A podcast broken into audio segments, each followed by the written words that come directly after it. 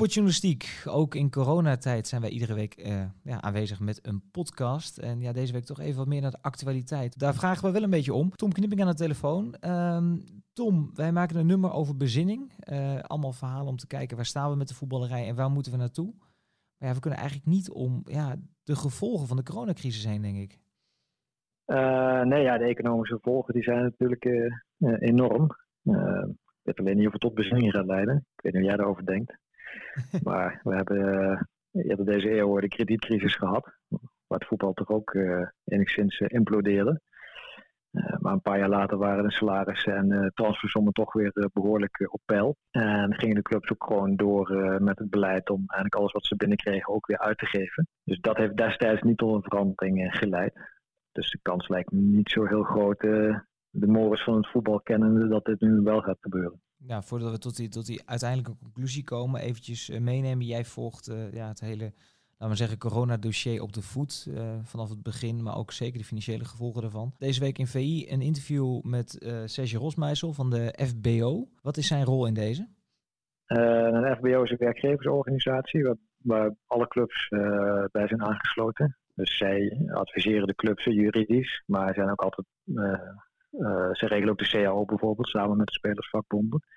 Um, dus ze, spelen nu een vrij centrale een rol. Hè, want alle clubs zijn natuurlijk nu in paniek over contracten, over uh, verzekeringen, over spelersalarissen. Dus daar adviseren zij over. En daarnaast is er ook een steunregeling vanuit de overheid gekomen, hè, die salarissen deels doorbetalen. En daarvoor doen zij dan ook de aanvragen namens de clubs. Dus er gaat veel via deze organisatie. En ook eh, begint de FBO deze week de gesprekken met, uh, met de spelersvakbonden over, uh, ja, over een salarismaatregel. Hè, want uh, Gerbrands van PSV heeft er al iets over gezegd. Hè. Die heeft, gaat zelf 20% inleveren en ja, hoopt dat de spelers ook met een dergelijke gebaar komen. En FBO met de spelersvakbonden gaat uiteindelijk voor de hele bedrijfstak proberen te regelen en een richtlijn daarover af te geven. Maar kan de FBO dit dan verplicht opleggen richting de spelers? Nee, ik kan het niet in de uh, eh, verplichten. Uh, maar het is wel sterk als je met een algemene richtlijn komt. Nou, ons, kijk, clubs gaan er toch uiteindelijk over allemaal over onderhandelen met hun spelers. Daar ontkom je gewoon niet aan in deze tijd. En uh, wat ze natuurlijk willen voorkomen is dat het bij de ene club 10% wordt en de andere club 70%. Uh, is er een akkoord hè, tussen werkgevers en werknemers, dan wordt dat door een rechter altijd als iets heel sterks gezien. dus als een club of een speler het gaat aanvechten, dan is het sterker als er een algemene richtlijn ligt. Uh, tussen, de, tussen de clubs en de speler. Want dan kun je in de praktijk kun je daar als club dan nooit echt heel ver van, uh, van afwijken. Dus het is zowel voor de club als voor de speler is het een soort uh, ja, bescherming. Nou, nu weet ik dat in andere landen ze hier al wel langer mee bezig zijn. Ik, ik sprak een speler die in Polen voetbalt, heeft 50% van zijn salaris ingeleverd. Ik las dat Jefferson van oudspeler van PSV, 40% moet inleveren. Was hij volgens mij niet helemaal gelukkig mee. Uh, waar denk ja, je Barcelona zelfs 70 procent. Ja, maar dat, dat, dat, dat, zijn wel flinke bedragen. Dat wel erg, want bij, want bij Barcelona is bijvoorbeeld 70 en bij Real Madrid is het dan 10 tot 20. Uh, dus ook bij de, bij de, bij de grote clubs, uh, die zijn er eigenlijk als eerste mee, mee gekomen. En dat verras je dan misschien, want uh, in januari hebben wij ook nog gezegd naar Barcelona, dat is de rijkste club, bleek toen uit een onderzoek. Dan gaat het vaak vooral om omzet. En uh, Barcelona had volgens mij iets van 800 miljoen verdiend afgelopen jaar. En was de eerste club die dan op een miljard aan het afstevenen was, vertelde ze vol trots. Maar wat al die clubs doen, en dat gaat echt van Emmen tot Barcelona, is eigenlijk elke euro die je verdient, die geeft je gewoon weer uit aan uh, transfers en aan salarissen van spelers om maar een zo sterk mogelijke ploeg op de benen te krijgen. Uh, dus als er even een maand inkomsten wegvallen, dan kom je eigenlijk meteen in de problemen met het uitbetalen van de salarissen. En dat geldt dus niet alleen voor een kleine club, eh, bijvoorbeeld in de eerste divisie, maar ook in de, ook in de top. Ook die hebben geen uh, uh, honderden miljoenen op de bank staan of zo. Ajax is wat dat betreft een van de uitzonderingen. En het is best opvallend als je nagaat hè, dat deze eeuw het ene en het andere commerciële record is gebroken. je leest continu over nieuwe miljardencontracten. TV-contracten zijn over de kop gegaan. maar ja, voor de bedrijfsvoering in het betaalde voetbal heeft uiteindelijk niet uitgemaakt. Het, zijn niet, uh, het is niet een robuustere sector of robuustere clubs zijn er niet door uh, ontstaan. Ze geven gewoon alles uit en dan maakt het niet uit of ze 1 miljoen verdienen of, uh, of 500 miljoen. Opportunisme. ja, ja, deels wel. Ja, klopt. Het is, dat, dat is gewoon de werkwijze van die clubs. En dat is ook waarom ze nu allemaal meteen ja, moord en brand schreeuwen. En ja, dat bij Barcelona dus zelfs 70% ingeleverd moet worden. Maar bijvoorbeeld ook in de hele Serie A de competitie daar niet wordt afgemaakt, worden gewoon vier maand salarissen ingehouden. Dus daar heb je dan ook gewoon over meer dan, uh, meer dan 30 procent. En dat gaat alleen nog maar over dit seizoen dan. Hè? Want als er volgend seizoen niet met uh, publiek gespeeld kan worden, ja, dan zullen ze weer met nieuwe uh, maatregelen komen. Valt in de meeste landen trouwens wel op dat clubs het individueel regelen. Want hier in Nederland willen ze dan eigenlijk een algemene richtlijn gaan, gaan, gaan afgeven. Maar dat is tot nu toe eigenlijk alleen in Frankrijk gebeurd. In andere landen zijn de clubs die het gewoon individueel regelen met de spelers. Oké, en wat, wat is het voordeel als we dat collectief regelen? Is dat dan gewoon wat jij zegt van uh, misschien juridisch? Uh, ja, met, met, name dat is het voordeel. Maar er zitten ook wel een aantal nadelen aan. Dat is namelijk uh, dat niet bij alle clubs even hard nodig is. Want ja, bij ons heeft het nu bijvoorbeeld eigenlijk meer over per direct heb ik het idee. Ja, je kan ook zeggen van hoe terecht is dat? Want PSV heeft Bergwijn bijvoorbeeld nog verkocht in januari. En ja, we zitten niet meteen enorm in de dieprode cijfers. Ajax bijvoorbeeld heeft in januari nog een netto winst van 53 miljoen bekendgemaakt. En hij echt nog verkocht. Dus ondanks die paar thuiswedstrijden die nu weggevallen zijn, maakt Ajax dit jaar gewoon een enorme winst. Dus ja, ik zou je ook kunnen afvragen hoe eerlijk is het dan om op basis van uh, dit seizoen al kortingen te gaan, uh, gaan doorvoeren. Dus niet elke club zit in dezelfde situatie. En dat is natuurlijk wel het nadeel van zo'n algemene richtlijn. Is dan hebben clubs toch, kunnen toch vrij makkelijk het mes in de salarissen zetten. terwijl het niet overal even hard nodig is. En bovendien zullen ook, ja, dat weet je ook, je hebt er laatst zelf over geschreven, natuurlijk enorme verschillen in de salarisniveaus. het voetbal heeft toch nog steeds een heel poenerig eh, imago. Um, tien jaar geleden was dat terecht. Hè. Toen was het uh, gemiddelde salaris in de Eredivisie meer dan 350.000 euro. En was het ook echt zo dat elke modale rechtsback na zijn carrière niet meer hoefde te werken. Uh, maar dat is in de loop van de jaren wel best wel veranderd. Het gemiddelde is nu, ik geloof 290 of zo, maar dat zegt eigenlijk niks omdat uh, bij de topclub is het niet naar beneden gegaan. Integendeel alleen maar omhoog. Hè. CC Ajax. Uh, maar in, het, uh, in de en rechter rijtje zijn de salarissen wel behoorlijk naar beneden gegaan. Daar kon je in het verleden 4, 5 ton verdienen. Ja, dat is echt al lang niet meer aan de orde. De clubs zoals Willem II en Heracles verdient de uitblinker 2 ton. Maar dan heb je het echt over de best betaalde speler. En de rest zit daar ver onder. de VVV zit geloof ik de top op 130.000 en de RKC op 100.000. En in de keukenkampioen-divisie verdienen veel spelers gewoon 2000 eh, bruto in de maand. Uh, zelf salaris en stratenmaker ongeveer. Ehm, dus ja, vaak wordt gesproken over een hele bedrijfstak waar dan iedereen een miljonair uh, zou zijn. Maar dat geldt maar voor enkele clubs die eigenlijk miljoenen salaris betalen zijn eigenlijk maar drie. En daarnaast kun je dan ook bij AZ, Vitesse en Utrecht kun je natuurlijk nog wel extreem goed verdienen. Veel meer dan de minister-president bijvoorbeeld. Maar dan heb je het over de top 6. En eigenlijk alles onder de top 6 uh, verdient minder dan het gemiddelde. Dus dat is ook wel een belangrijk onderscheid, denk ik, om even te maken. Is als je salariskortingen gaat doorvoeren, ja, dat levert bij Ajax, PSV, Feyenoord levert dat miljoenen. Uh, maar kijk je onderin de eerste divisie, dan gaat het echt om uh, niet, niet, niet de bedragen die mensen vaak denken. En bovendien is de vraag, kun je aan een speler van pakweg Dordrecht of Top Os die dus uh, ja, minimumloon verdient, uh, vragen of ze 10% in uh, kunnen leveren. Die mensen hebben natuurlijk ook gewoon een huis en kinderen en andere vaste lasten. Dat gaat bijna niet. Ja, dus het zou ook wel sterk zijn als je een algemene richtlijn afgeeft. Dat je wel bijvoorbeeld een ondergrens stelt. Dat is in Frankrijk gebeurd. Als je al tussen de 20 of onder de 20.000 hoef je volgens mij niks in te leveren. En tussen de 20 en 50 dan is het een lager percentage. Dus hebben ze het zo opgebouwd om ook wel een beetje de laagste salaris te, te ontzien. Um, maar ja, over volgend seizoen uh, ja, ontkom je er denk ik niet aan. Kijk, op basis van dit seizoen denk ik dat de schade best wel meevalt. Ik heb het idee dat het wel enigszins overdreven wordt. Want uh, de Fox heeft gewoon de gelden betaald. De seizoenkaarten, die, uh, daarvan is geld ook allemaal binnen. En ik heb niet, niet de indruk dat supporters massaal geld gaan terug eisen. Sponsors hebben ook betaald. Dus wat clubs met name missen zijn die vier thuiswedstrijden die ze niet hebben. Um, dus je mist de recettes horeca-inkomsten. Nou, nu vallen die bij Ajax bijvoorbeeld heel erg mee, omdat bijna al het geld naar de arena gaat. Maar bij Twente bijvoorbeeld is het wel substantieel. Hè? Die verdienen 6 miljoen per jaar aan horeca-inkomsten. Dus dat valt weg. Dus daar heb je schade. Maar er staat ook weer tegenover, en dat wordt vaak niet bij verteld, dat clubs ook besparen nu omdat er geen premies uitbetaald hoeven te worden. Uh, Ajax was normaal gesproken, als ze kampioen worden, moeten ze gewoon premies uitbetalen. Dan heb je snel over 5, 6 miljoen euro voor een spelersgroep. ja, nu zijn ze niet uitgeroepen kampioen, dus dat hoeft nu niet. Feyenoord en Utrecht ja, winnen geen beker, dus ze hoeven ook geen bonus te betalen voor de spelers die die beker hebben gewonnen. Uh, promotie-degradatie, oké, normaal uitverkochte huizen leeft enorm, maar ook geen premies voor de, voor de winnaars. Dus daar wordt ook wel bespaard. Dus ik denk dat de schade voor dit seizoen nog wel te overzien is. Alleen voor het volgende seizoen ja, kom je natuurlijk wel met een gigantisch probleem. Als er tot minimaal 1 januari niet met publiek gespeeld mag worden. Want Nederland is bij uitstek een land waar clubs heel erg afhankelijk zijn van de, van de, kaart op, de kaartverkoop, van de opbrengsten, verkochte biertjes en snacks. Uh, van de sponsors die massaal naar het stadion komen, uh, huren, kaarten kopen voor business tribunes. Ja, dat is hier verhoudingsgewijs allemaal veel belangrijker dan in heel veel andere landen waar, ze, waar de tv-contracten veel relevanter zijn. dus in andere landen, als je in een leeg stadion voetbalt, ja, dan heb je in ieder geval nog dat hele lucratieve tv-contract.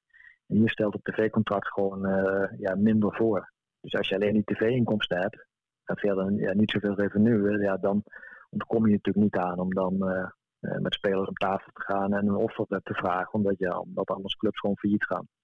Zou een partij als Fox dan bereidwillig zijn om mee te denken? Om, om misschien clubs... Ja, dat doen ze nu natuurlijk al. Door te betalen. Ja. Want dat vind ik wel sterk aan Fox. Dat ze gewoon dit seizoen, uh, de laatste termijn, dat ging toch om meer dan 20 miljoen euro, gewoon hebben betaald.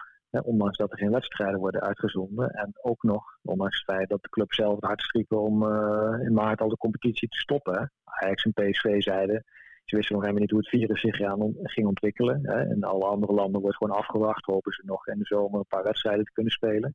En hier had Ajax PSV al een heel vroeg stadium gezegd, ja, we willen het zelf niet. Ja, dan zou Fox een hele makkelijke aanleiding kunnen zijn om, ja, maar dan is het ook geen overmacht, dus betalen we niet. Maar daar hebben ze toch wel net iets gedaan. Uh, dus ja, dat is natuurlijk wel sterk en dat geeft de club nu natuurlijk ook wel lucht. Dat ze gewoon wel die 20 miljoen even kunnen verdelen. En dat, dat terwijl we allemaal weten dat Fox ook best wel wat klappen krijgt. Omdat heel veel abonnees op dit moment uh, hun Fox-abonnement stopzetten. Omdat het niet gevolgd ja, Fox, wordt. Voor Fox was het natuurlijk waanzinnig geweest als er een, in de zomer eventueel wel zelfs een even stadion was gevoetbald. Toen hadden alle kijkcijfers records gebroken. En dat is dus niet aan de orde. Dus dat is wel. En in het buitenland zie je dat ja, contracten nog niet uh, helemaal worden nagekomen. En daarom is de druk daar ook heel hoog om in de zomer nog te voetballen. Want ja, die topcompetities dreigen gewoon een paar miljard aan uh, tv-inkomsten uh, te lopen. Precies, helder. En dan, nog even één punt wat ik uit jouw interview van uh, ja, Sergio Rosmeijer toch even naar boven halen. Ja. Die buiten EU-spelers, Tom. Die jongens die hier tegen ja, veel hogere salaris spelen. Ja. Kunnen we daar wat aan doen? Uh, nou ja, dat zou nu natuurlijk wel moeten gebeuren. Kijk, in Nederland is zo geregeld. Er is een afspraak tussen de FBO en de spelersvakbonden. Dat elke speler van buiten de Europese Unie uh, moet een topsalaris verdienen. Dat is ooit bedacht om te voorkomen dat clubs te veel derde buitenlanders kopen. En het, is, wordt gezien als een soort stimulans aan clubs om te investeren in eigen opleiding. dus er is ooit afgesproken dat een speler van buiten de Europese Unie 150% van het gemiddelde moet verdienen. Dus dat komt dit seizoen neer op uh, ja, ruim 4 ton. En dat soort spelers zie je toch nog wel regelmatig in Eredivisie verschijnen. Zelfs bij clubs M heeft er zelfs twee. Um, dus ja, die, die, dus die verdienen nu ruim 4 ton. Nou, dat is natuurlijk een van de dingen waar ze in die gesprekken ook naar moeten gaan kijken. Ja, moeten die regeling niet even bevriezen of, of afschaffen, of in ieder geval tot soberder maken. Want ja, met de berekeningen van nu zou je eh, in het nieuwe seizoen uitkomen op een salaris van 4,5 of 5 ton geloof ik voor zo'n speler van buiten de Europese Unie. Ja, dat is nu natuurlijk niet meer te betalen. Dus ik verwacht zelf dat ze die regeling ook gaan, uh, gaan aanpassen. Want dat is natuurlijk nu totaal niet meer uh, realistisch. Maar dat, dat lijkt me wel, ja, dat krijg een beetje juridisch van. lijkt me wel lastig als een speler een drie jaar contract tekent bij FCM of zelfs bij PEC Zwolle Heerenveen. En dat ze vervolgens zeggen van ja, je gaat toch terug naar het modale salaris hier en dat is 2 ton. Ja, maar ik denk dat het niet anders kan. Ik bedoel, als bij Emmen geen publiek komt en geen sponsors op de tribune zitten, ja, dan kan je moeilijk uh, voor twee spelers uh, een miljoen, uh, een miljoen gaan uittrekken. Ja, dat is, dat is gewoon niet meer te verantwoorden eigenlijk. Nee, nou, dat, dat, wordt heel interessant om te kijken waar dat uitkomt. Hey, intussen... Maar ongetwijfeld zullen er ook als er ergens salarisverlagingen worden doorgevoerd, zie je ook bij clubs van het buitenland. Hè. Bij Arsenal was een discussie, willen ook drie spelers niet meedoen. Bij, bij meerdere clubs zie je dat overal wel een paar spelers zijn die niet willen meedoen. En dan zal dat ook ongetwijfeld tot een aantal juridische conflicten uh, leiden. Dat is uh, vrijwel onvermijdelijk. Ja, dat, dat gaan we de komende weken waarschijnlijk wel meemaken als een eenmaal het voorstel er ligt. Uh, inmiddels is er ook een brief vanuit de KVB naar de regering gegaan. Uh, gevalletje noodklok volgens mij, hè? Erik Gudde richting uh, ja. Den Haag. Ja, precies. Die heeft duidelijk gemaakt dat er 3 tot 400 miljoen schade wordt geleden in een jaar. Als, ja, als er helemaal niet, of als er heel lang zonder publiek gespeeld moet worden, of er zelfs helemaal niet gespeeld kan worden. Ja, dat is natuurlijk wel een vrij extreem bedrag. Als je nagaat dat de totale voetbaleconomie van Nederland is ongeveer 500 tot 600 miljoen per jaar. Dan zal volgens de KNVB er 3 tot 400 miljoen dus van verdwijnen. Dan heb je het over ja, nog een derde of zo wat overblijft. Ja, kun je dat verklaren? Is dit, is dit gewoon uh, even het worst case scenario neerleggen in de hoop dat je steunt? Ja, dat wel. Kijk, en dit, dit, dit soort bedragen wordt ook altijd een beetje opgepompt om, de, om de, de indruk te wekken dat het nooit nog veel hoger is. Um, ik geloof niet dat ze meteen uit zijn op financiële steun. Maar wat natuurlijk wel belangrijk straks is om uh, de betaald voetbal in leven te houden, is dat er in ieder geval gespeeld kan worden. En dat zou dan moeten gebeuren in eerste instantie in uh, lege stadions. Maar tot nu toe is dat door de overheid uh, verboden. Nu is het in Nederland zo geregeld, als je ook in een leeg stadion voetbalt, moet je een vergunning hebben voor een evenement. Nou, en alle evenementen zijn verboden tot 1 september. Dus dat betekent oh, dus ook voetbal in een leeg stadion is ook verboden tot 1 september wat, zou, wat nou als de overheid nu zegt in augustus? Uh, nou ja, we willen het nogmaals verlengen tot uh, eh, 1 december, het evenementenverbod. Ja, dan zou je onder de huidige regelgeving dus ook gewoon tot 1 december niet kunnen voetballen. En ik denk dat de KVB in eerste instantie daarop uit is om daar een uitzonderingspositie voor te krijgen. Vandaar ook dat ze de brief niet alleen hebben gericht aan de regering, maar ook aan alle burgemeesters die tot nu toe heel kritisch zijn.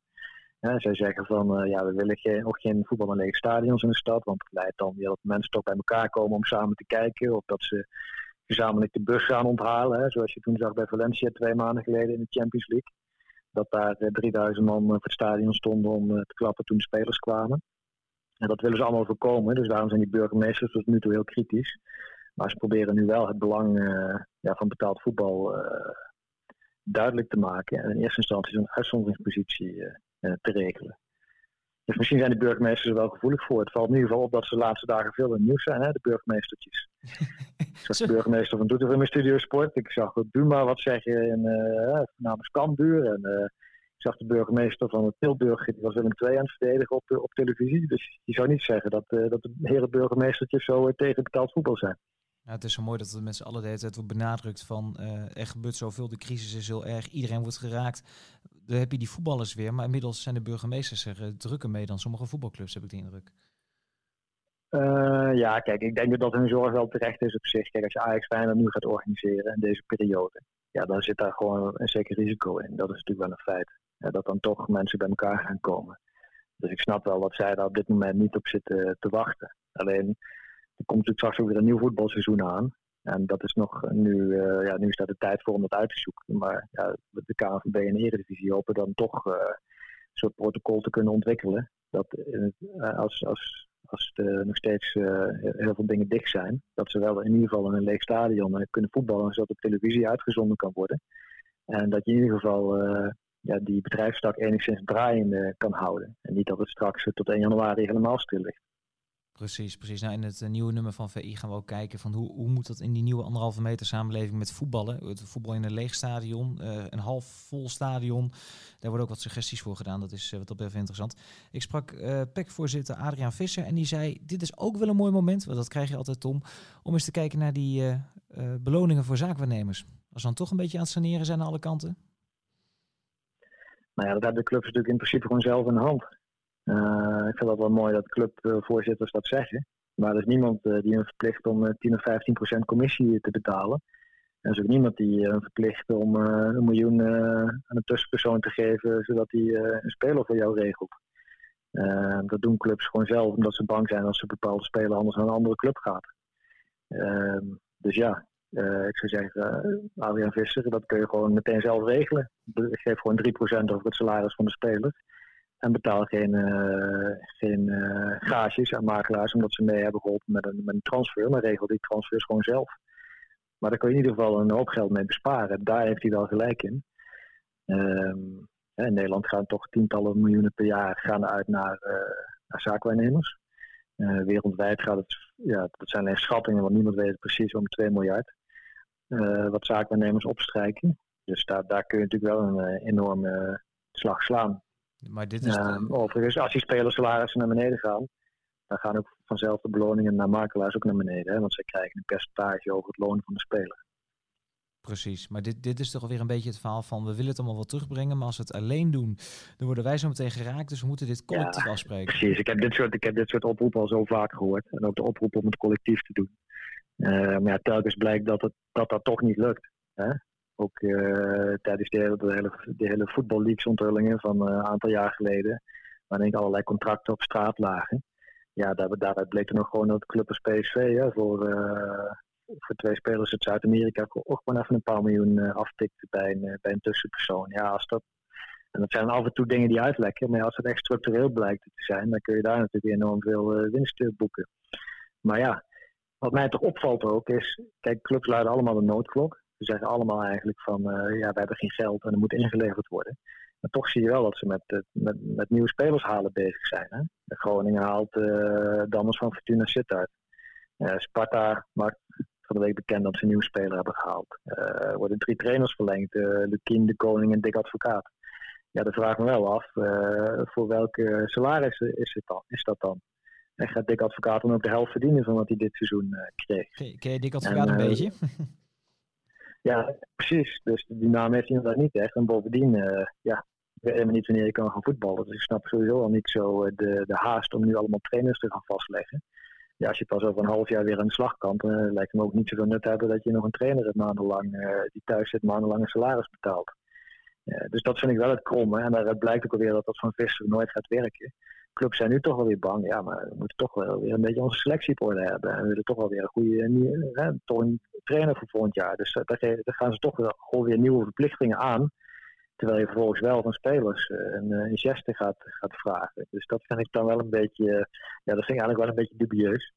En ook Lukien bij Emmen, die ligt gewoon nog vast tot 21. En verleng je nu alweer tot 23. Dus weer twee jaar extra verplichting. Ja, hij zal, die, hij zal niet minder gaan verdienen waarschijnlijk. Nee, ik heb niet de indruk dat er nu vier clubs aan Dick Lukien aan het trekken waren in deze fase van de, de competitie die stil lag. Dat is wat ik bedoel. Als het nu allemaal zo onzeker is en allemaal zo op losse schroeven staat.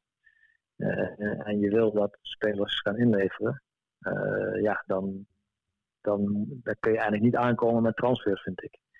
Uh, bovendien, ik heb het over spelers. Volgens mij is wel de insteek om ook contracten van trainers en bestuurders en kantoorpersoneel, om dat ook allemaal mee te nemen hoor, in die gesprekken. Ja, ook, ook ten aanzien van uh, misschien een, een, percentage inleveren, dat klopt inderdaad. Uh, Tom, als laatste, we hebben het over de, de problemen die betaald voetbal wacht. Uh, die 300 tot 400 miljoen waar de KNVB het over hebt.